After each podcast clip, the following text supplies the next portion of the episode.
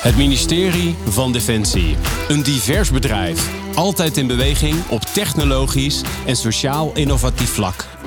In de Samen Sterkere podcast maak je kennis met mensen waar eigenaarschap, drive en passie voorop staan.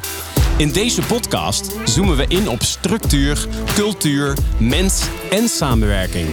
Geniet jij van deze podcast? Like, deel en reageer, zodat wij weten wat jij van deze podcast vindt.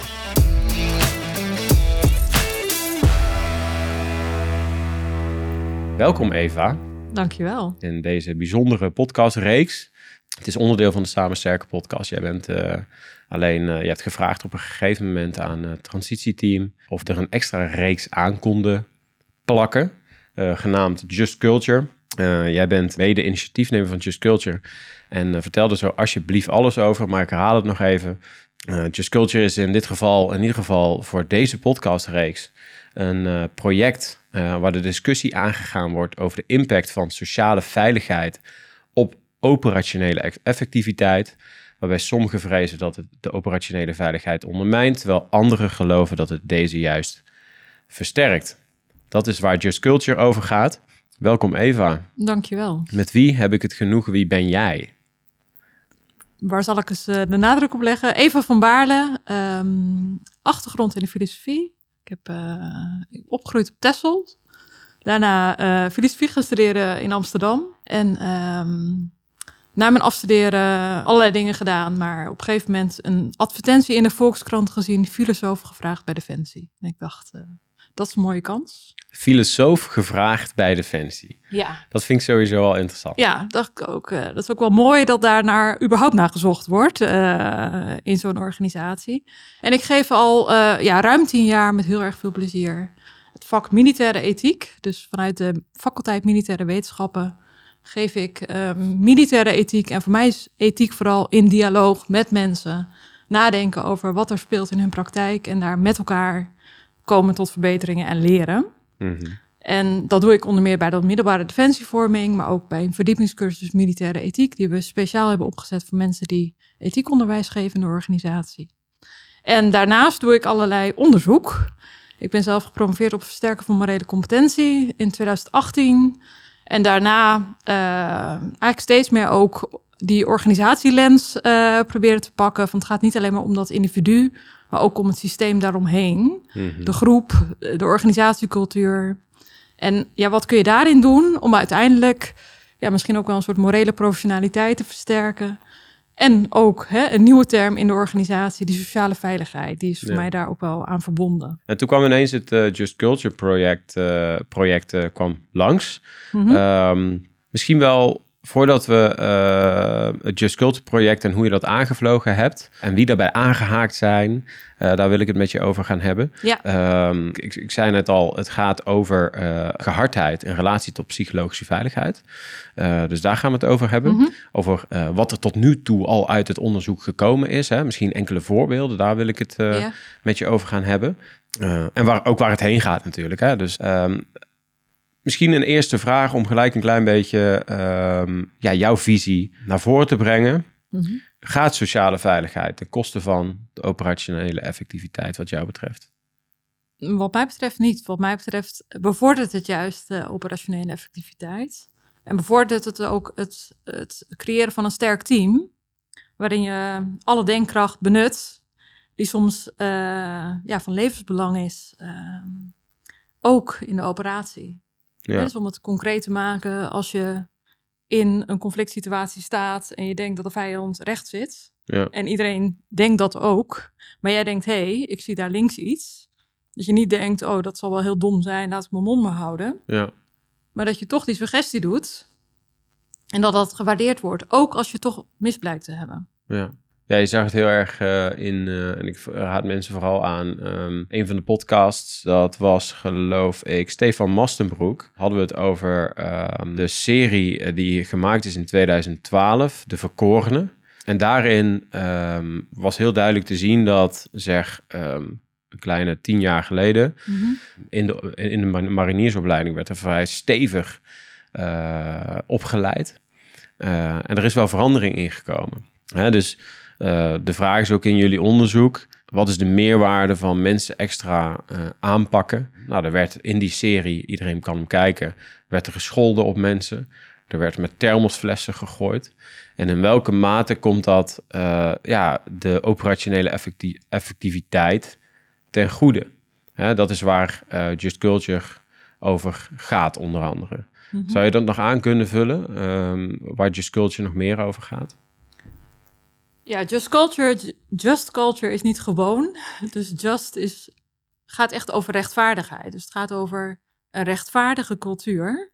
En uh, van oorsprong gaat het ook heel erg over wat kun je nou leren van situaties waarin er iets misgaat. Ja. Hè, als er een incident gebeurt.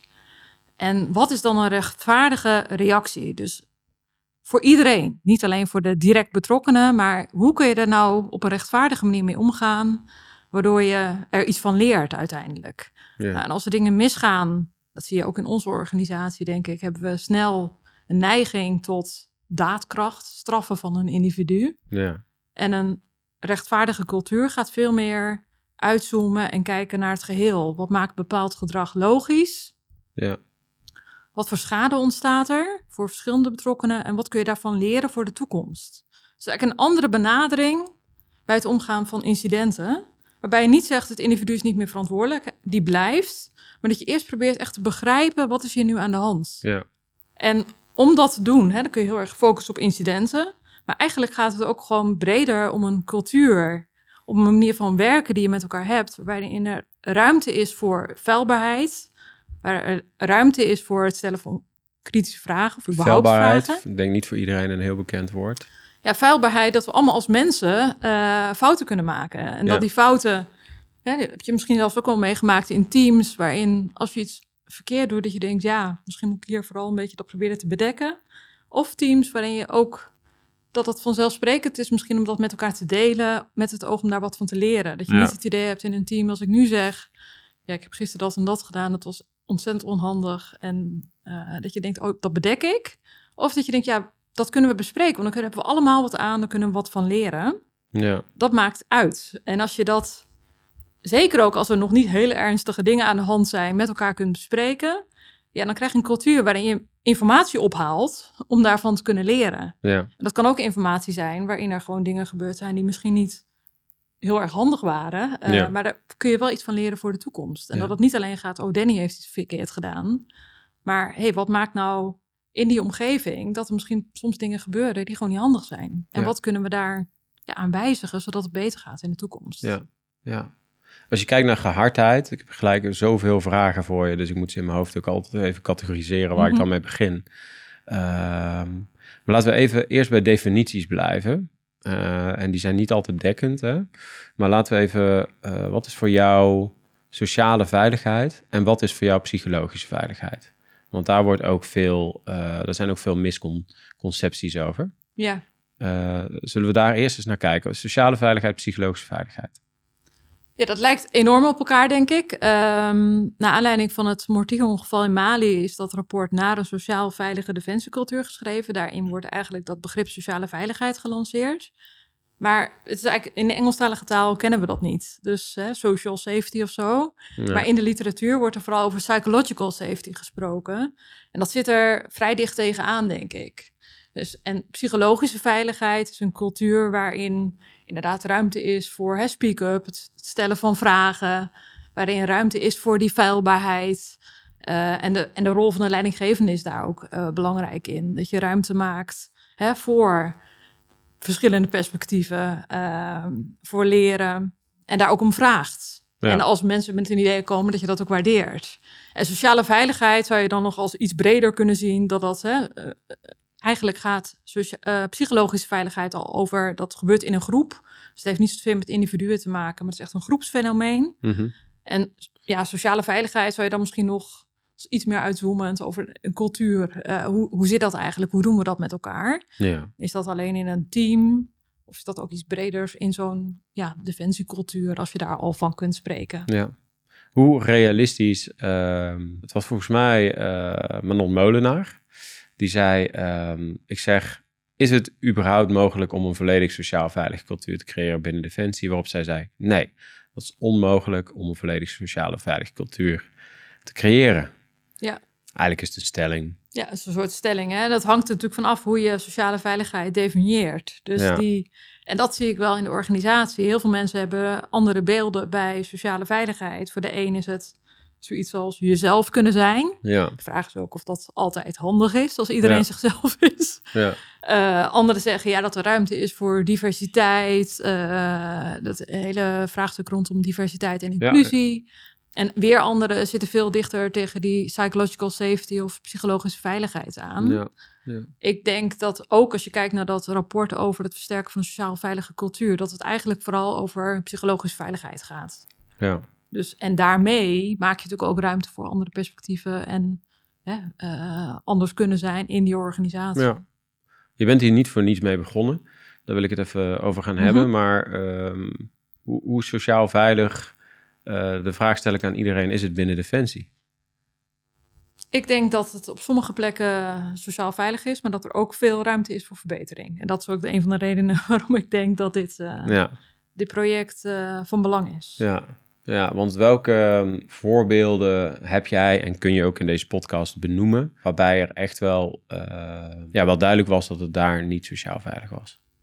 Ehm, nou ja, het gaat, ik denk dat het er niet zozeer om gaat van hier en hier is het niet sociaal veilig. We zien dat er bepaalde thema's zijn die een rol spelen, ehm, waardoor sociale onveiligheid kan ontstaan op verschillende plekken in de organisatie. En wat we in het project doen is ook niet zozeer zeggen, oh nou hier is het sociaal onveilig en nu moeten we daar eh, een soort regels voor maken. Ja. Maar meer samen met mensen te kijken van ook naar wat er goed gaat.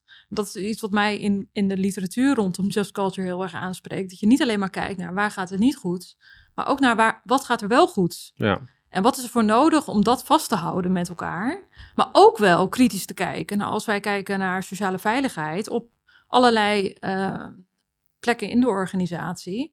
We doen dit onderzoek op dit moment op, op elf locaties in de organisatie. Ja, waar is nou ruimte voor verbetering rondom sociale veiligheid? ja, En dan gaat het vaak om een aantal thema's. Denk dan toch aan ook positie van vrouwen. Op bijna alle locaties waar we dat onderzoek doen, en ik doe dat niet alleen, we doen dat in een team van zeven actieonderzoekers, ja, zien we dat die positie van vrouwen op veel plekken toch nog best wel ingewikkeld is. ja. Je bent op een gegeven moment begonnen met Just Culture. Mhm. Eh, je gaf het net al een beetje aan. Eh, je, je doet het met meer mensen, hè?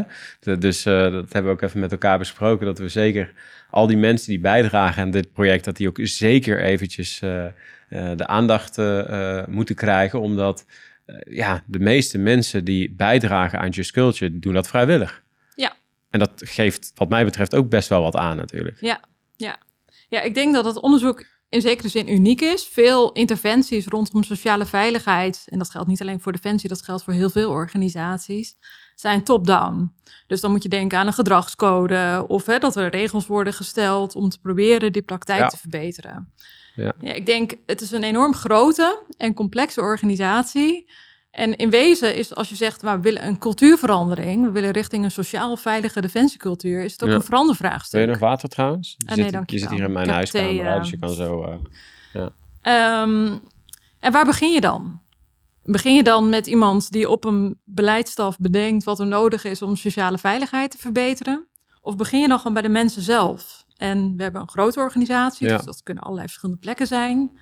Waar je mensen zelf vraagt, naar wat ik net zei, van wat gaat er nou eigenlijk goed en wa- waar is ruimte voor verbetering? En samen met die mensen ja, daar acties op te ontwerpen of interventies. Ja. En die ook samen met hun te evalueren. Ja, en dat, daar doen we dus een groot beroep op collega's in die organisatie om veelvuldig in hun eigen tijd aan de slag te gaan met die acties. ja, ja. Dus dat, en dat is een andere aanpak. Want in zekere zin begin je dus bottom-up, maar ook vanuit het idee van ja, die mensen kennen die context het beste. Dus die Ja. hebben ook het best, beste zicht op wat er nodig is om die verbetering te En daar zit ook een bepaalde diversiteit in natuurlijk. Ja, ja. Ja. we werken op al die locaties met diverse groepen. Dat is denk ik ook wel de kracht. Ja. Dus bijvoorbeeld op een opleidingsinstituut werken we in zo'n, dat noemen we ook een actiegroep. Werken we samen met instructeurs, maar ook met hè, eh, cursisten. Ja. Van hè, mensen die al wat langer in de organisatie of zelfs mensen die net binnenkomen. Eigenlijk is iedereen welkom. Proberen we zo'n divers mogelijke club bij elkaar te zetten die aan de slag gaat om ja, daar heel lokaal eigenlijk een soort micro-experimenten te doen. Van wat zouden we nou kunnen doen om dat te verbeteren? Ja. Ja. En ja, daar gaan we mee aan de slag. Ehm, als je kijkt naar, ehm, eh, jullie zijn nu al een tijdje bezig met eh, Just Culture. Vanaf welk jaar zijn jullie ongeveer? Tweede- eind 2019, dus eigenlijk vanaf begin Oké, 2020. Oké, wat, is het, eh, wat zijn de, de grootste dingen die opgevallen zijn tot nu toe? Ehm, een van de dingen, en dat vind ik zelf eigenlijk wel heel erg mooi. In het begin eh, was ik, we doen actieonderzoek. Dus eerst exploreren we, kijken we, wat speelt hier eigenlijk? Ja. Dan gaan we samen met mensen acties ontwerpen en die evalueren we. En actieonderzoek manier- hè, is echt, eh, dat zei je wel in het voorgesprek, echt met de voeten in de klei. Hè? Met de voeten in de klei. Dus samen met mensen. Ja, dus niet eh, alleen maar literatuur en in de studiebanken, Nee, universiteiten. Nee, Nee. jullie gaan echt naar de mensen toe. Ja, dat is we gaan naar de mensen toe en vragen, nou, hè, als ik aan jou zou vragen, eh, op jouw werkplek, eh, wat gaat er goed en waar is ruimte voor verbetering? En Ja. als je dan nadenkt over wat er beter kan, Ja, wat zou er nou gewoon concreet in de praktijk, wat zouden we kunnen doen om dat ook daadwerkelijk ja, te laten ontstaan? ja. Ehm, en in het begin was ik echt gericht op wat zijn nou acties? Ja, eh, Zo'n bekende term best practices die Ja. we kunnen benoemen, ja. die je zou kunnen opschalen in die organisatie. Maar ik merk eigenlijk dat überhaupt het, het starten van een proeftuin en mensen met elkaar verbinden, ja. die met elkaar naar hun eigen praktijk kijken van hey, hoe gaat dat eigenlijk, al een interventie op zich is. ja. En dat dat op zich dus ook al zorgt voor die verbinding en openheid, waardoor er al sociale veiligheid ook ontstaat. Dus in dat proces ontstaat ook al sociale veiligheid. Ja. En dat is voor mij eigenlijk ook wel heel, heel belangrijk en waardevol. Dat ik denk, ja, daar, dat is wel de start. It's En het never- zijn soms dus ook kleine dingen. Een mooi voorbeeld vind ik ook dat eh, op een van die locaties... dat, dat zo'n groep mensen bij elkaar komt en in gesprek gaat over sociale veiligheid... gewoon daar lokaal op de werkplek. En dat ze eigenlijk erachter komen van ja... er zijn hier een aantal mensen eh, ja, die het echt heel vervelend vinden... die eigenlijk continu gedrag vertonen wat gewoon echt niet door de beugel kan. En we laten dat eigenlijk al jaren lopen. Eh, Heb je En met elkaar dan op een gegeven moment toch Ja, aan de slag gaan daarmee. En dat daarover in gesprek gaan met die, eh, met die persoon. Ja. En waar ze zeggen, nou, hè, er is echt iets veranderd hier. ja. Dat kan soms dus ook al. Wauw, wat goed. En dat doet het denk ik ook al. Doordat je mensen bij elkaar zet. Dat er ruimte ontstaat voor, hey, misschien moeten we gewoon met elkaar eens wat gaan doen. En met Ja. elkaar is dat eenvoudiger dan wanneer je alleen bent. En misschien wel dingen ziet, maar denkt, nou ja, hè, is het nou aan mij om iemand aan te spreken of in gesprek te gaan? Of Ja. Voordat we naar die, want je hebt best wel een aantal voorbeelden die ook eh, wel bekend zijn, hè? dingen die je kan benoemen. Mhm. Ehm, maar heb je ook wel eens een echt een eh, heel eh woehoe momentje gehad dat je echt dacht van wauw, dat we dit hebben kunnen bereiken door eh, ehm, mensen samen te zetten? Ja, nou, een van de dingen, eh, ik vind het sowieso heel mooi, eh, en dat is misschien ook wel goed om te benoemen, dat er überhaupt steun is voor zo'n project als dit. Echt zo bottom-up, cultuurverandering, en dat is ook wel van de lange adem. Ja, Ehm, dat er ruimte is voor zo'n project om hiermee aan de slag te gaan. En dat we ja, ook dat vertrouwen krijgen vanuit de organisatie om op deze manier aan de slag te gaan. ja, Ehm, maar een van de voorbeelden waar ik ook echt wel trots op ben, is dat dat, dat zo eh, helemaal uitgekristalliseerd is, is het normgesprek. Dat is op een van de locaties en dat is gerelateerd aan het thema van de positie van vrouwen. Dan kan je zeggen van ja, dat zijn individuen die, die soms lastig gedrag vertonen. Maar dat er eigenlijk door die groep gekeken werd, wat gebeurt hier nou eigenlijk? En toen kwam naar boven dat als, als vrouwen nieuw komen in, de, in dat organisatieonderdeel, is dat ze het zogenaamde vrouwenpraatje kregen. Waarin ze vooral door vrouwen werden gewaarschuwd van je moet je op een bepaalde manier gedragen. Je moet vooral niet te losbandig zijn, want voor je het weet krijg je een naam, een negatieve naam. En Ja. dan, eh, ja, daarmee zorg je ook voor een negatieve reputatie van alle vrouwen eigenlijk Ja. bij die eenheid. En dat mensen zeiden van ja, dat is eigenlijk een structuurelement. Is dat wel iets wat we zouden moeten willen?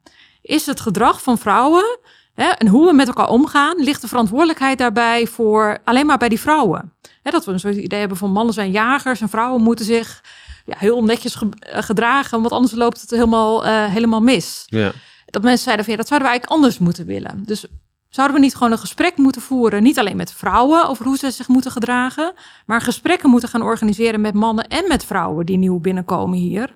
Van hoe gaan we eigenlijk met elkaar om? ja. En zeker hè, uh, in een opleidingssituatie waar mensen soms hè, ook intern zitten natuurlijk in de organisatie. Hoe doen we dat eigenlijk? En waar zitten dan ja, risico's of lastige situaties? En hoe gaan we daar met elkaar mee om? Ja.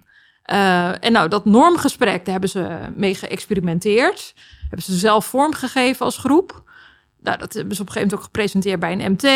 Dat Mhm. werd gesteund. En dan wordt het hè, echt geborgd ook wel in zo'n opleidingscontext. Maar dat is dan ook via via, en dat is weer die verbinding, dat mensen op andere plekken in de organisatie zeggen: hé, hey, dat is eigenlijk wel interessant wat jullie doen. Ja. En bij ons wordt ook nog steeds zo'n ouderwets vrouwenpraatje gehouden, dat die vrouwen gewaarschuwd worden.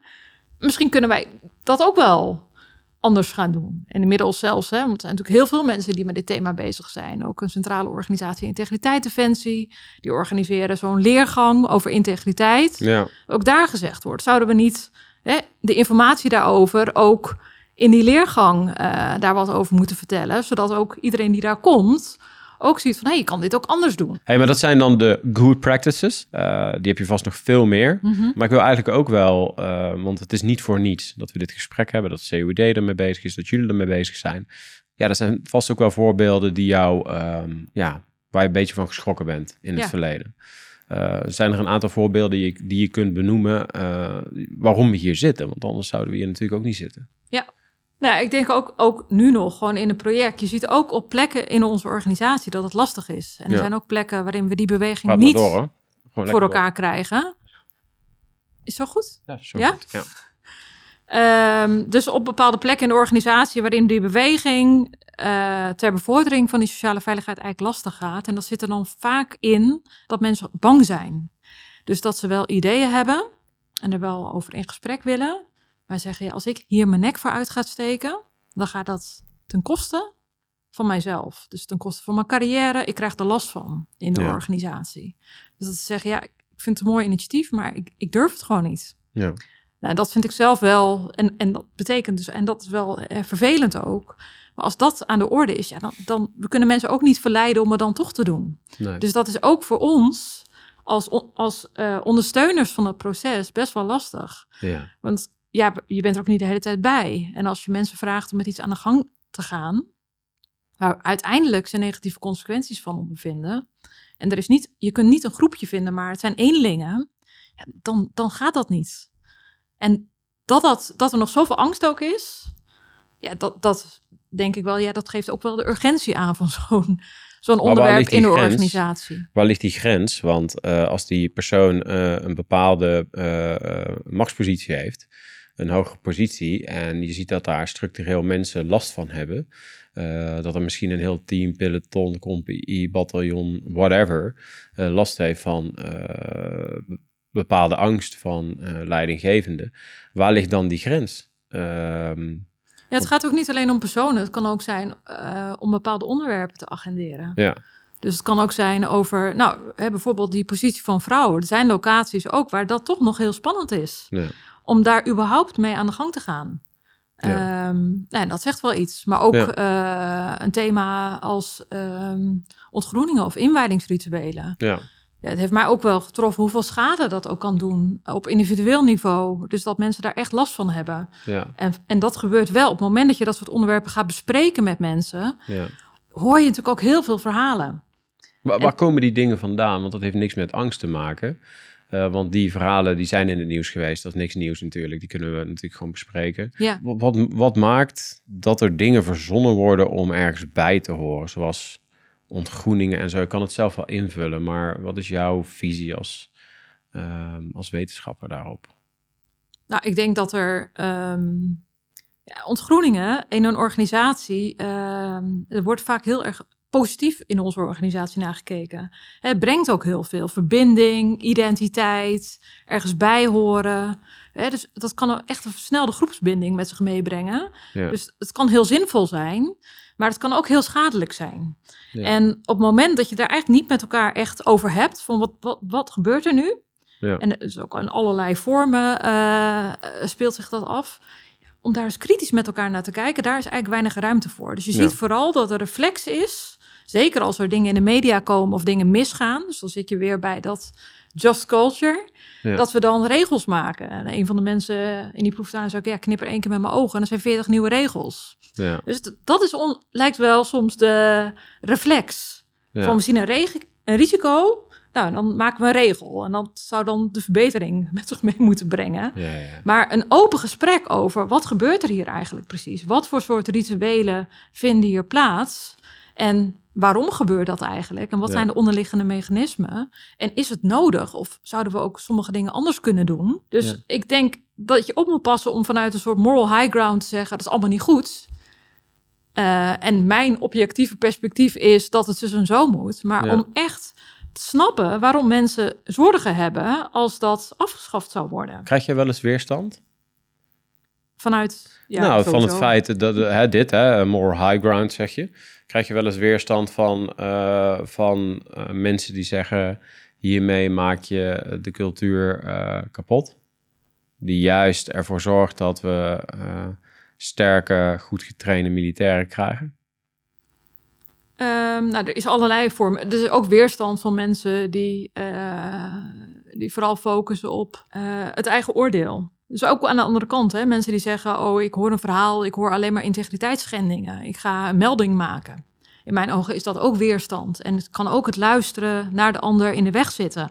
Om gewoon te horen, ja, wat beweegt je dan om bepaalde dingen te doen? En wat maakt het logisch Ja. dat je bepaalde rituelen inregelt? Als je meteen zegt, dat is fout, dat is integriteitsschending. eh weg ermee met dat individu die dat bedacht heeft. Ja, Ja, ik denk dat is ook een vorm van weerstand die volgens mij geen verandering teweeg brengt. ja, Eh, de andere kant van weerstand is ook dat mensen bang zijn dat een bepaalde cultuurelementen gaan verdwijnen. Op het moment dat je alles bespreekbaar maakt en alles op alles gaat zitten reflecteren. ja. Ik zit te denken waar, oh ja, waar ik heen wil nog, is ook het stuk. eh, je bent leidinggevende, je bent. ehm, eh, je werkt op een eh, opleidingsinstituut. eh, of ja, ga er maar aan staan hè, op je 21ste of 22ste je komt van de KMA. En je staat ineens voor 38 infanteristen en jij moet het, het gaan, gaan doen. Ja, wat zijn naast een stuk reflectief vermogen, wat wil jij de aspirant, officier of onderofficier, soldaat, corporaal, iedereen meegeven vanuit jouw expertise? ik denk als je sociale veiligheid echt wil bevorderen, en dat zit dan dichter ook tegen dat idee van psychologische veiligheid nog aan, is dat de leidinggevende daar echt een belangrijke rol in heeft. Ik vond wat hè, Jeffrey Moodreel zei heel mooi, van ja, je moet echt wel de end state heel duidelijk maken. Als je, hè, waar werken we met z'n allen aan? Dat moet helder zijn, want dat geeft ook houvast. En tegelijkertijd echt ook ruimte maken voor die ja, diversiteit aan perspectieven in zo'n team. En mensen ook uit te nodigen om vragen te stellen, om met initiatieven te komen als ze denken dat dat die end state Ja, eh, gaat helpen om daar, om daar te komen. En als mensen met vragen of ideeën komen, dat ook te waarderen. En dat lijken allemaal ontzettend open deuren. Maar dat is in de praktijk toch best nog wel lastig. Want zeker als iemand komt met een idee waarvan je eigenlijk zelf denkt, ja, hoe dan? Eh, Ja. Helpt dit? Kan dat best wel lastig zijn. En dan meteen een reactie van, nou, dat gaan we dus niet doen. ja, Maar in elk geval, ook als je iets niet gaat doen, uit te leggen waarom je dat niet doet. Eh, dus da daarover te communiceren. Eh, en ook te waarderen als iemand met iets komt. Dus echt ze te bedanken. En dat zijn ogenschijnlijk kleine dingen, maar ik denk dat dat heel erg eh, bij kan dragen aan het creëren van, van sociale veiligheid op teamniveau. ja. En ja, hoe je het ook wenst verkeerd, leidinggevende spreekt daar, eh, speelt daar denk ik een belangrijke rol in. Eh, Ja, ik had eh, het genoegen om jaren geleden, toen kwam ik uit de operatie. Toen ging er voor mij een wereld open. Toen mocht ik ineens trainingen gaan geven aan startende leidinggevenden mhm, bij DOSCO. Ja, En ehm, eh, toen realis- realiseerde ik me meer vanuit mijn operationele praktijk. Dat was een beetje de omslag dat eh, commandanten die waren gewend om commandant te zijn. Toen kwam PeopleSoft en zo en dat was Ja. allemaal vrij nieuw. Eh, toen werden alle administratieve functies, de admeurs, genoemd, die, die functies werden steeds meer weggeschreven. Waardoor er heel veel HR-taken, dus ook communicatief vaardige taken, die kwamen bij de eh leidinggevende te liggen. En dan. Had ik wel eens leidinggevende van de oude stempel, die zei, ja, ik lijk onderhand wel een HR-manager en ik heb gewoon een peloton te leiden. En dan zei ik, zei ik altijd tegen hen, eh, en ik weet niet meer of ik het zelf bedacht heb, volgens mij wel trouwens. Dan zei ik, eh, eh, maar realiseer jullie zelf dat jullie de ouders zijn, bijna, van een team, van een club. Ja, En dan zaten ze me zo aan te kijken. En in het begin zaten ze een beetje te, te lachen en te doen. Ik zeg, we werken meer, we zijn meer op ons werk dan dat we thuis zijn. ja, zeg, jullie bepalen het verlof van die persoon. Ja. Eh, ehm, eh, jullie, nou, ik had een hele lijst toen. Ik kan er nu even niet op komen. Maar jullie bepalen wanneer iemand iets doet. ehm, of iemand iets gaat doen. Ja. Hoe het gedaan gaat worden. ja, Ehm, dat is bijna een oude rol die je vervult. ja, en daar zit ook een heel stuk veiligheid in. ja, En toen werd het wel steeds stiller. En naarmate de training, die was maar volgens mij een paar dagen, ja, eh, kwamen ze er wel achter van, wow, we hebben best wel een grote verantwoordelijkheid eigenlijk over deze mensen. Daar kwam ik Ja. nu ineens op. ja, Eh, en dat kon ik natuurlijk ook helemaal koppelen aan mijn eigen operationele verleden. Want Ja. er zijn ook niet altijd dingen goed gegaan. Ik heb op hele leuke plekken gezeten. ja, Maar ik heb echt op plekken gezeten eh, waar als ik er nu op terugkijk, dat ik denk van, nou, die situatie die was niet echt, echt helemaal veilig, zeg maar. ja. En waar zat het dan vooral in? Ehm, waar zat dat in? Nou, weet je, kijk, ik, ik, ik, ik, ik heb best veel dingen gezien binnen Defensie. Operationele functies, landmacht, luchtmacht, verschillende functies. Ehm, ik heb wel eens echt een incident meegemaakt wat echt heel vervelend was Mhm. op een, eh, op een kazerne. Ehm, en waar ik, en dat incident, daar werd ik eigenlijk per direct verantwoordelijk voor gehouden. Terwijl achteraf, toen kwam er gelijk een intern onderzoek. Mhm. En eh, het was ook een heftig incident, dat moet ik ook wel nageven. Eh, maar de primaire reactie van het team, als je dan iets traumatisch, het, het, het, het ging om echt wel iets heftigs. Eh, het ging om een explosie. Ehm, en de eerste reactie van toen ik terugkwam, zeg maar, bij de mensen, zeg maar, bij mijn team, Ja, was niet een arm om mij heen, maar was, we hadden van jou wel anders verwacht. En dat is iets wat mij eigenlijk, eh, dat heb ik eigenlijk nog nooit, nooit in een podcast gezegd, maar dat is iets wat mij in mijn carrière, en misschien ook wel eh, op andere vlakken, ook nu ik ondernemer ben naast mijn werk op de Defensie, toch altijd wel achtervolgd heeft. Eh, dat ik toen op dat moment, want het was echt een heftige explosie, ja, achteraf bleek ook dat ik daar helemaal niets aan kon doen. Ja. Maar omdat ze mij een hele verstandige jongen vonden, ja, werd ik aangesproken. Van jij had beter moeten weten. ja. Nou, En wat deed je- dat met jou? Nou ja, eh, ik- dat, heeft wel echt een, dat heeft wel echt schade achtergelaten. Ja. Ja. Dus het heeft wel jaren geduurd weer om daar... ehm, Ja. eh, Ja. om daarmee om te kunnen gaan. Dus Ja. het gaat om psychologische veiligheid. Op dat moment, die periode en een lange periode daarna, eh, was dat wel voor mij een, eh, een reden om eh, daar weg te gaan. Ja, zelfs te vertrekken. Zelfs te vertrekken, zeker Ja. weten. Ja. Eh, Want die schade, deed dat dan ook iets met het vertrouwen wat je had? 100%, tuurlijk, absoluut. Ja. Eh, dat doet, doet echt iets met een mens. Ja. Eh, want op dat moment, eigenlijk denk je, wow, je gaat bij jezelf te raden, had ik dit kunnen voorkomen? Hè? Zeker als mensen dan Ja. bovenop jou gaan zitten en die zeggen van, hey, jij had het kunnen voorkomen, er komt een intern onderzoek, een Ja. objectieve commissie en die gaan je allerlei vragen stellen. Nou, in die maanden ga je echt gewoon heel goed nadenken, terwijl het zo crystal clear was dat je daar niks aan kon doen. eh, en het ook niet had kunnen voorkomen op geen enkele manier. Ja, Eh, ehm, en dat ga je in de rest van eh, je carrière ga je dat dan ook doen op een gegeven moment. Totdat je op een gegeven moment op een punt komt. Op een gegeven moment dan slijt zoiets natuurlijk. Ja. En dan denk je van ja, weet je, anders dan zou ik het nu niet zo kunnen vertellen. ja. Ehm, maar dat doet wel iets met een mens. Ja, Ehm, het heeft heel veel impact. Het, het is in die zin een voorbeeld. En dat komt natuurlijk vaker voor. Hè? Zeker bij ja, heftige incidenten met zo'n explosie... kan ik me ook voorstellen dat je er misschien niet aan ontkomt... om toch ook onderzoek te doen. ja, En dus ook te kijken van wat is hier nou gebeurd. Maar je kunt op verschillende manieren dat onderzoek inrichten. ja, En wat je ziet, en dat is precies dat Just Culture gedachtegoed... dat je niet alleen maar hoeft te kijken naar hè, wat is er gebeurd... hoe erg was het en wie is hier de schuldige... ja, maar ook kan kijken van ja, wie heeft hier nou precies schade? Ja. En, en wat is de impact van het gebeurde op de betrokkenen? Maar al ben je de schuldige, ook Ja. dan eh, kun je je onveilig voelen. En ook Ja. dan, ook de schuldige zou een arm nodig Kan ook een hebben. slachtoffer zijn. Want, precies, Ja. want je stapt niet s ochtends uit je bed met het idee... eh, ik ga, eh, weet ik veel, een explosie veroorzaken. Of Ja. waar, gewerkt, waar mensen zijn, waar gewerkt wordt en mensen zijn, worden fouten gemaakt. Dat is gewoon, dat is evident. Ja. Je vroeg net naar de- wat kan een leidinggevende dan doen. Ik denk dat dat in dat soort gevallen, ook als er wel een formeel onderzoek eh, plaatsvindt, waarbij wel onderzocht moet worden van hey, wie, wie is hier nou individueel misschien verantwoordelijk, Ja. dat je ook oog hebt voor die schade die er ontstaat en daar ook actie op onderneemt. Eh, Ja. Soms is het ook niet nodig hè, om zo'n formeel onderzoek te doen. En dan kun je ook echt vanuit dat, ja, we noemen dat herstelgerichte eh, just culture, waarin je echt probeert te herstellen van het gebeurde om daarvan te leren. Ja. Je, niet alleen maar aandacht voor de schade, maar ook wel met elkaar. Wat maakt het nou eh, misschien zelfs logisch dat dat op dat moment die explosie plaats kon vinden? Ja. En wat kunnen we nou met elkaar doen om in de toekomst te voorkomen dat dat nogmaals gebeurt? Ja. Zonder te zeggen, oh je hebt het niet goed gedaan. Want dat kan dat denken daarover gewoon in de weg zitten. Ja, zeker. Interessant. Je doet Ja. interessant werk, eh, Ja. Eva. en ik ben er nooit zo open geweest in de podcast. Ik hoop niet dat ik de mensen die misschien het verhaal kennen, Ja. dat vervelend vinden. Maar goed, eh, Maar dat is ook precies ehm, eh, wat, je dan nu doet. Hè? Dat je denkt van, oh ik weet niet of mensen dit misschien herkennen. precies. Ja. Maar dat is precies ook in, de- in het werk wat we doen. Ja. Eh, dat gaat natuurlijk vaak om voorbeelden waarvan je ook denkt, ja, vinden anderen mogelijk vervelend dat ik hier iets over deel. ja. Hè, dat we toch dat gevoel hebben van, oh, kunnen we daar eigenlijk wel over hebben? Ja. Ik denk juist de openheid om het ook over die lastigere situaties te hebben, waarin je achteraf denkt, ja, dat heeft mij gewoon schade gedaan. ja, En ik had dat eigenlijk liever anders gezien. zeker. Dat je daar, dat je daar een bepaalde openheid over geeft. Met Ja. het doel niet om te zeggen: oh, die mensen hebben het niet goed gedaan. Die moeten Nee. weg of die waren slecht.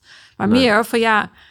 Zouden we in soortgelijke situaties daar niet ook een ander handelingsrepertoire op kunnen ontwikkelen? Precies. Precies, dat is het. Ja. We hadden het net over die ontgroeningsrituelen. Ja, daarin zie je natuurlijk ook dat mensen op een bepaalde manier zelf gevormd zijn en zelf dingen hebben meegemaakt. Dus ook daar soms slachtoffer in zijn. En Ja. dan met mensen die weer nieuw binnenkomen, bepaalde eh, rituelen uitvoeren. Ja. En daar ook weer dus voor hun gevoel dader in worden. Waardoor Ja. soms ook dat gesprek ook weer in de weg zit. Omdat ze ook zeggen, ja, ik heb er zelf ook dingen in gedaan. Dus dat gevoel van schuld en welke rol heb ik nou waarin gehad. Ja. Als je zelf ook als slachtoffer kan zien, kan dat misschien wat meer ruimte geven voor van ja, hè, dat ik ben niet alleen maar. Natuurlijk heb ik daar ook een rol in gehad, maar Ja. ja, goed. Dat Ja. is ingewikkeld eh, om jezelf zo als dader eh, te bestempelen. Kan heel veel schade doen, denk ik. Ja. Ja. ja, en die voorbeelden zijn er ook. En, Ja. eh, en, en die spelen soms lang parten Ja. bij mensen. En dat doet ook veel met mensen. Ja. Ja, ja, dat mensen zichzelf ook straffen. En dat hoorde ik net ook in jouw voorbeeld. Dat je eigenlijk jezelf ook afvroeg van... had ik hier niet iets in moeten doen? Ja, en, maar, maar dat had alles te maken met het feit, en nog genoeg over mij hoor. maar, maar dat had alles te maken met de, de, de eerste reactie van het team. Ja. Daarom ging ik mezelf dat afvragen. Ja. Eh, want dan ga je jezelf afvragen, heb ik al goed gehandeld? Had ik hier iets kunnen, kunnen betekenen? Ja. Zullen zij op enige manier eh, gelijk kunnen hebben? Ja, Eh, terwijl het zo helder was dat het absoluut niet... eh, Maar het is ook, denk ik, menselijk... om je vanuit verantwoordelijkheidsgevoel die vraag te stellen. Misschien wel aardig om als voorbeeld nog te noemen. Ik ben eh, twee jaar lang ook gedetacheerd geweest naar eh, de zorgcontext. Nadat ik gepromoveerd was, dacht ik, oh, ik wil eigenlijk ook wel in die ethiek in een andere context. Dus toen heb ik vanuit het Amsterdam UMC onderzoek gedaan in zorgorganisaties.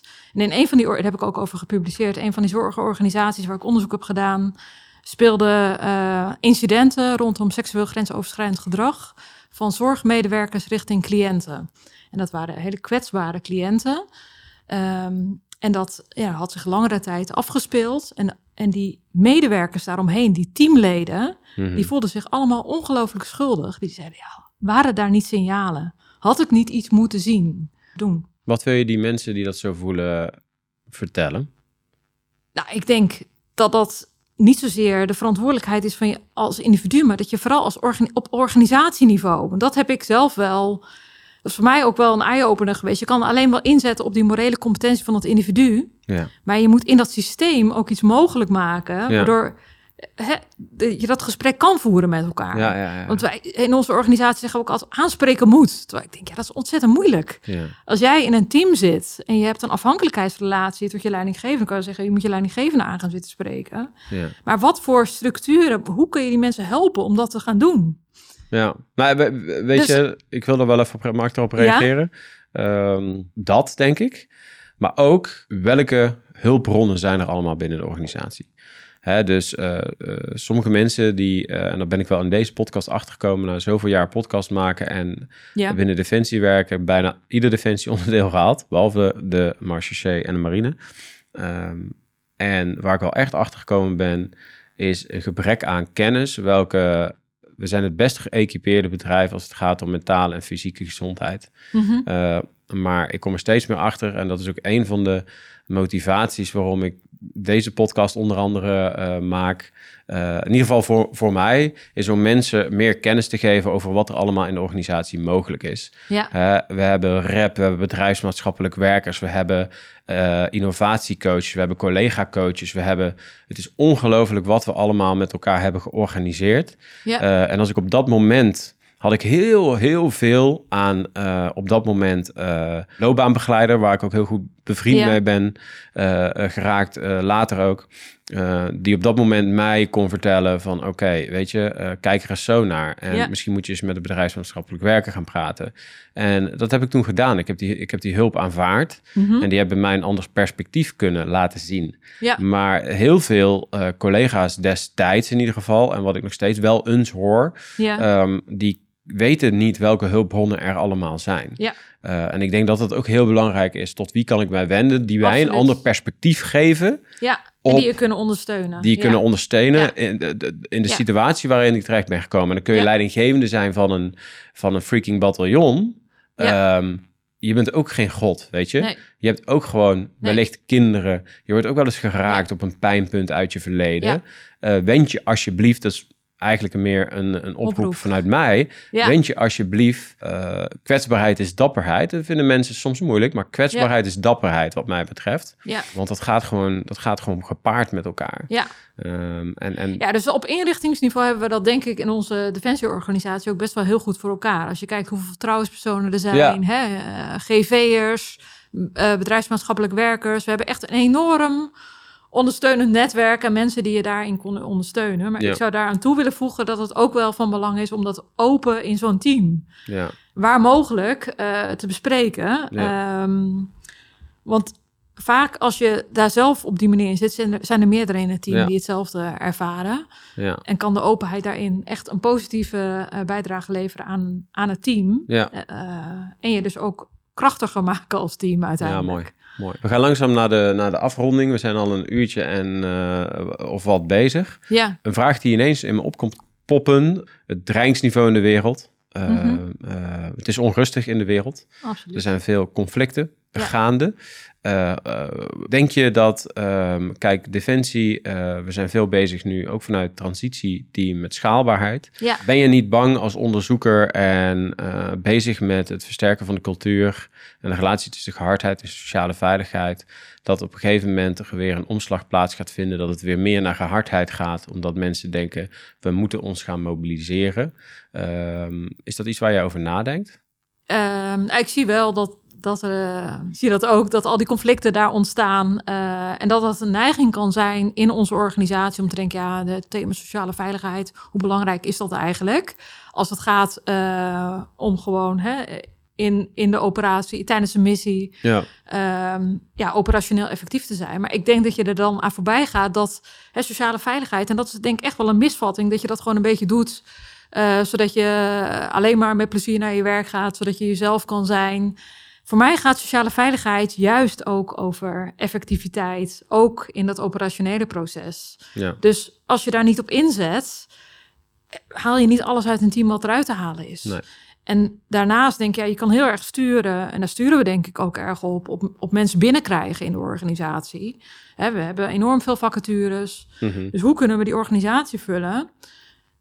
Maar een pijnpunt is natuurlijk ook is dat er ontzettend veel mensen weggaan. ja, En hoe kun je die mensen binnenhouden? Ja, ik denk dat als je een sociaal veilige, eh, of in elk geval ook daaraan werkt om een sociaal veilige cultuur te verder te versterken, ja, dat je mensen mogelijk ook wat langer binnen kan houden. Ja. Dus eh, dat dat echt ook belangrijk is om daar juist op in te blijven zetten. ja, ja.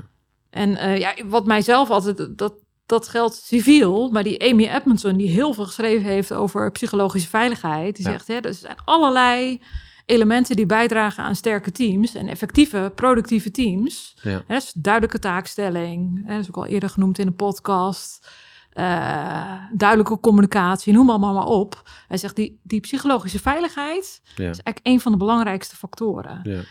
En dat hebben wij denk ik onvoldoende scherp nog in onze organisatie. Dat we denken, oh, sociale veiligheid, iets eh, net als integriteit, dat moeten we maar doen. Ja. Want hè, voor de buitenwereld. Ik denk, je moet dat doen om zo'n sterk mogelijke organisatie te kunnen zijn. Wanneer kun je met een gerust hart defensie verlaten? Ik zou tevreden zijn. Het is, het is in mijn ogen, actieonderzoek is een soort veranderstrategie. Dus je begint bottom-up in teams, vrij lokaal en vrij klein, met een beperkt aantal mensen te experimenteren, Ja. acties te ontwerpen. En op een gegeven moment kom je ook wel op het vraagstuk, ja, hoe ga je nou meer mensen bereiken? Mhm. En dat zit er voor mij wel in om, om dat ook verder op te schalen. Dus dat is ook een vorm van schaalbaarheid. Dat je mensen met elkaar gaat verbinden. Dat je ambassadeurs vindt. En niet alleen maar hè, onderin die organisatie, maar ook bovenin de organisatie. En dat is lastig met sociale veiligheid. Want er zal niemand zijn die zegt: Ik vind sociale veiligheid niet belangrijk. Dus enorm veel politieke correctheid. Ja. Dus ik denk ook, ja, voorbij die politieke correctheid, wie gaan hier echt voor staan? En zijn echt sponsoren of ambassadeurs van die sociale veiligheid? Ja. En kun je die ook met elkaar verbinden om vanuit daar, hè, niet alleen die, die micro-experimenten en hè, wat jij zei, good practices, Ja. ook uiteindelijk een soort van te borgen in die organisatie. Want je kunt wel zeggen, oh, we gaan daar een beetje, we blijven dat gewoon doen in die proeftuinen. Maar op een gegeven moment, zoals bijvoorbeeld dat normgesprek, dat kun je wel doen. Maar als dat afhankelijk blijft van bepaalde individuen, is het ook zo weer weg. Ja. Dus je moet dat uiteindelijk ook ergens ja, in die structuren, Ja. bijvoorbeeld in een opleiding, moet je dat ergens zeggen, nou dat gaan we gewoon voortaan doen. Er zijn allerlei aanwijzingen in de organisaties. Ook dat heeft een bepaalde rol. Ja. Dus dat je dat op een gegeven moment doorontwikkelt en dat je dat, daar meer mensen mee gaat bereiken. Ja. Dus wat mij betreft is het de komende jaren ook wel dat we juist ook met die schaalbaarheid ook wel aan de gang gaan en daar ook vervolgstappen in gaan zetten. Ja. Dus een soort community of practice waarbij je mensen met elkaar gaat verbinden om ervaringen en kennis uit te wisselen, Ja. zodat je elkaar gaat versterken. Want we doen zoveel in deze organisatie op dit thema van sociale veiligheid. Ja. Maar het lijkt wel alsof er sommige dingen ook allemaal naast elkaar lijken te gebeuren, waarbij die verbinding soms mist. En daarnaast, ja, wat, en dat heeft natuurlijk te maken met mijn wetenschappelijke achtergrond, denk ik ook dat je dingen moet evalueren. En dat doen we nog maar heel weinig, zeker Ja. rondom dit thema. Ja. Er worden allemaal interventies gedaan, maar er wordt eigenlijk heel weinig kritisch gekeken naar, ja, doet het ook wat we hopen dat het doet? En kun je dat volgen? En als er dan blijkt dat het eigenlijk toch niet zo heel fantastisch werkt, dat je dan ook zegt, nou, dan moeten we hier dus niet meer op inzetten. Ja. Dus een soort, ja, dat je toch kijkt naar evidence-based, is niet zo'n, dus eh, heeft ook iets met die objectiviteit, maar dat je wel kritisch kijkt, ja, wat zijn nou de werkende mechanismen Mhm. die bijdragen aan sociale veiligheid? Ja. Nou ja, en als bepaalde interventies dat niet doen, ja, daarmee te durven stoppen en te zeggen, nou, dan gaan we dus ergens anders op inzetten. Ja, mooi. Ja, mooi, mooi. En, en, en wat ik hoop, als ik vrij mag zijn, ik hoop dat we een andere term gaan vinden voor sociale veiligheid. Ja, misschien Eh, just culture. Misschien just culture, eh, of whatever. Dat hoop ik. Eh, want ik en waarom weet. dan? Ja, omdat ehm, daarmee, eh, ja, het is sowieso een begrip wat bij heel veel mensen jeuk oproept. En sociale veiligheid impliceert, als je er al over praat, dat dat het per definitie onveilig is. Terwijl dat helemaal niet hoeft te zijn, Nee. als je daarover praat. Dus daarom hoop ik, daarom vind ik just culture eh, of whatever. Maar ik hoop dat we een term gaan vinden die eigenlijk precies hetzelfde zegt, alleen dan in de positieve zin. Ja, En waar mensen interventies aan op gaan hangen, eh, waardoor we nooit meer over sociale veiligheid hoeven te praten. het is best ingewikkeld hoe je dat... eh, Ja, gaat- ik, ben- denk ben- dat het, het gaat mij erom dat mensen zich niet aangesproken voelen en daardoor dus weer, weer angstig. Ja, Maar dat eh, de terminologie die we gebruiken, dat dat een gemeen goed is. ja, Ehm, en dat mensen daardoor gewoon continu reflectief, zelfreflectief gedrag vertonen. ja, Want we zitten nou eenmaal in een veranderende wereld. ja. Ehm, en dan is zelfreflectie is het enige wat we kunnen doen. Eh, dat is ook wel een ding in, in het stuk schaalbaarheid, ook met de toekomst, waar gaat het heen, ook met de, de, de, de onrust in de wereld, is dat we echt naar een andere mindset toe moeten eh, qua krijgsmacht. Eh, meer met eh, civiele partijen samenwerken, bijvoorbeeld ja. operaties anders organiseren, et cetera.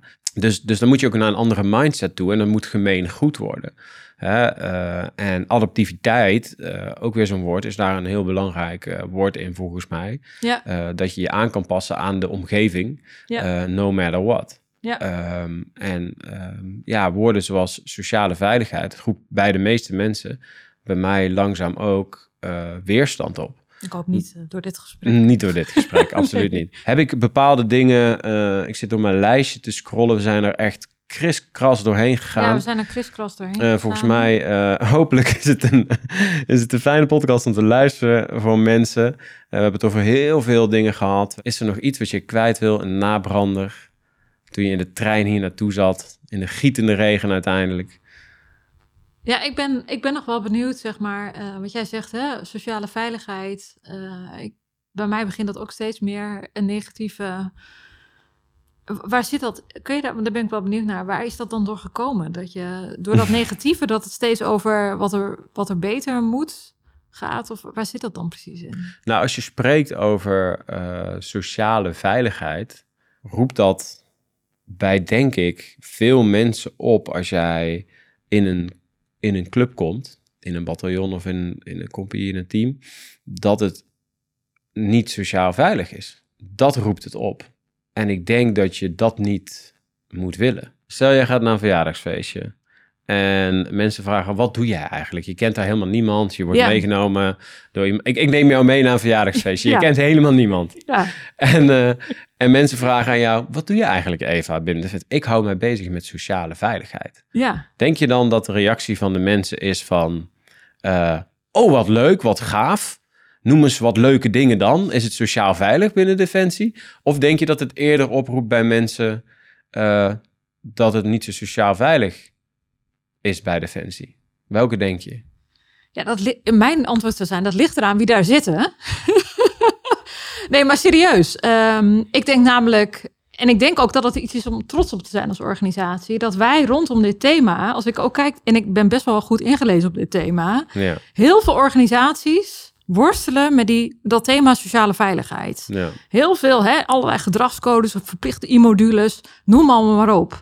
Maar wat ik net zei over hoe goed wij ook die organisatie ingericht hebben met zoveel ondersteuning. En dat er projecten zoals dit mogelijk zijn, ja. die zijn er echt in tal. We lopen in die zin, denk ik, juist ook wel voor op heel veel organisaties. Dus Ja. ik zou willen dat, er, dat je ook met trots, dat, dat doe ik in elk geval, Ja. kan vertellen op wat er mogelijk is in deze organisatie. En wat voor mooie onderzoeksprojecten je op kan. Maar eh dat komt denk ik in jij goed ingelezen bent. En sterker nog, ik word regelmatig ook gevraagd eh, door mensen bij de brandweer of eh, in die medische wereld van hey, hoe doen jullie dat dan bij Defensie? En wat bijzonder dat er zoveel ruimte Ja. is voor de ontwikkeling van, van dat rondom dat thema. Ja, mooi. Dus Mooi. dat is, eh, ja, ik denk dat het een kracht is. Eh, Mooi. en ook internationaal. Ik denk dat wij als Nederlandse krijgsmacht rondom dit thema echt al best wel heel ver zijn. Ehm, hè, er zijn ook internationaal natuurlijk in allerlei krijgsmachten incidenten. Rondom ontgroeningen eh, hebben we dat Brereton Report gehad. Van die eh, Australische Special Forces in Afghanistan. Waarbij allerlei burgers eh, omgekomen zijn. Ja, daarvan kan je zeggen, dat waren een paar rotte appels. Ja. Die hebben we eruit en gaan we weer door. Maar ook daar daalt wel dat besef van ja, dat Ja. is misschien ook iets in een cultuur Ja. waar kritisch naar moet kijken. Hoe doen we dat eigenlijk? En wat maakt bepaald gedrag misschien ook daar logisch? En hoe kwetsbaar zijn we dan? En wat kunnen we doen om, om met elkaar daaraan te werken? Ja. En ik denk, ja, als je dat aan de voorkant doet, voordat er allerlei oorlogsmisdaden gepleegd worden, Ja. ja, dat is ook echt uniek dat we daarop in kunnen zetten met elkaar. Ja. Om echt dat leren te stimuleren, om uiteindelijk een betere organisatie te maken. Maak het bespreekbaar. Ja. Daar komt het vaak eh, op terug. Ja, absoluut. Maak het bespreekbaar. Ja. Hè, om de groepsdruk uiteindelijk, Ja. want dat voorbeeld dat je net aanhaalt, is natuurlijk ook wel... eh, En de een- dialoog. En, Dus de, en de uiteindelijk- dialoog aangaan. Ja. Hè? Volgens Ja. mij kunnen wij nog uren Ja, ik doorpraten. Ik, wil je ontzettend bedanken ook voor jouw visie in de reeks eh, Just Culture. Ja. Ehm, ook de mensen die uh, jou ondersteunen. Ook echt heel veel props voor al die vrijwilligers en um, al die mensen die Just Culture projecten uh, ondersteunen en daar actief aan, aan bijdragen. Ja.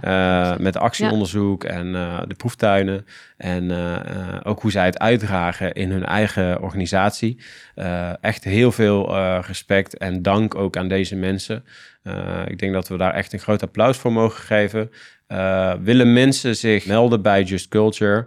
Um, hoe kunnen ze dan het beste uh, bij jullie terecht? Bij jou terecht, bij het team terecht? Bij het team terecht, um, sowieso kan dat gewoon via de mail, uh, door mij een mail te sturen, maar mogelijk ook uh, via jou. Ja. Hè, want dit is natuurlijk ook, deze podcast is ook een samenwerking tussen Transitieteam en het Just Culture project. Zeker. Denk ook een belangrijke, mooie samenwerking. Ja. Dus weet ons te vinden als je denkt, hey, ik heb ook een idee om in mijn praktijk uh, iets te doen of ik wil graag aansluiten of meer weten over een aantal uh, acties die jullie ontworpen hebben vanuit ja. het project. Ja, laat vooral van je horen. Ja. Wat we gaan doen is we gaan in de show notes gaan we uh, gegevens zetten uh, waar mensen zich uh, toe kunnen richten. Ja. Zodat ze als ze bij willen dragen op enige manier of wellicht een, een bepaalde kwestie bespreekbaar willen maken of jouw visie of Ja. van iemand anders die bijdraagt aan Just Culture. Dat ze daar zich toe kunnen richten. Eva, super bedankt. Ik vond het heel leuk om, om met elkaar hier eigenlijk de dialoog aan te gaan. Dankjewel weten. daarvoor. Vi er bronse. Jo.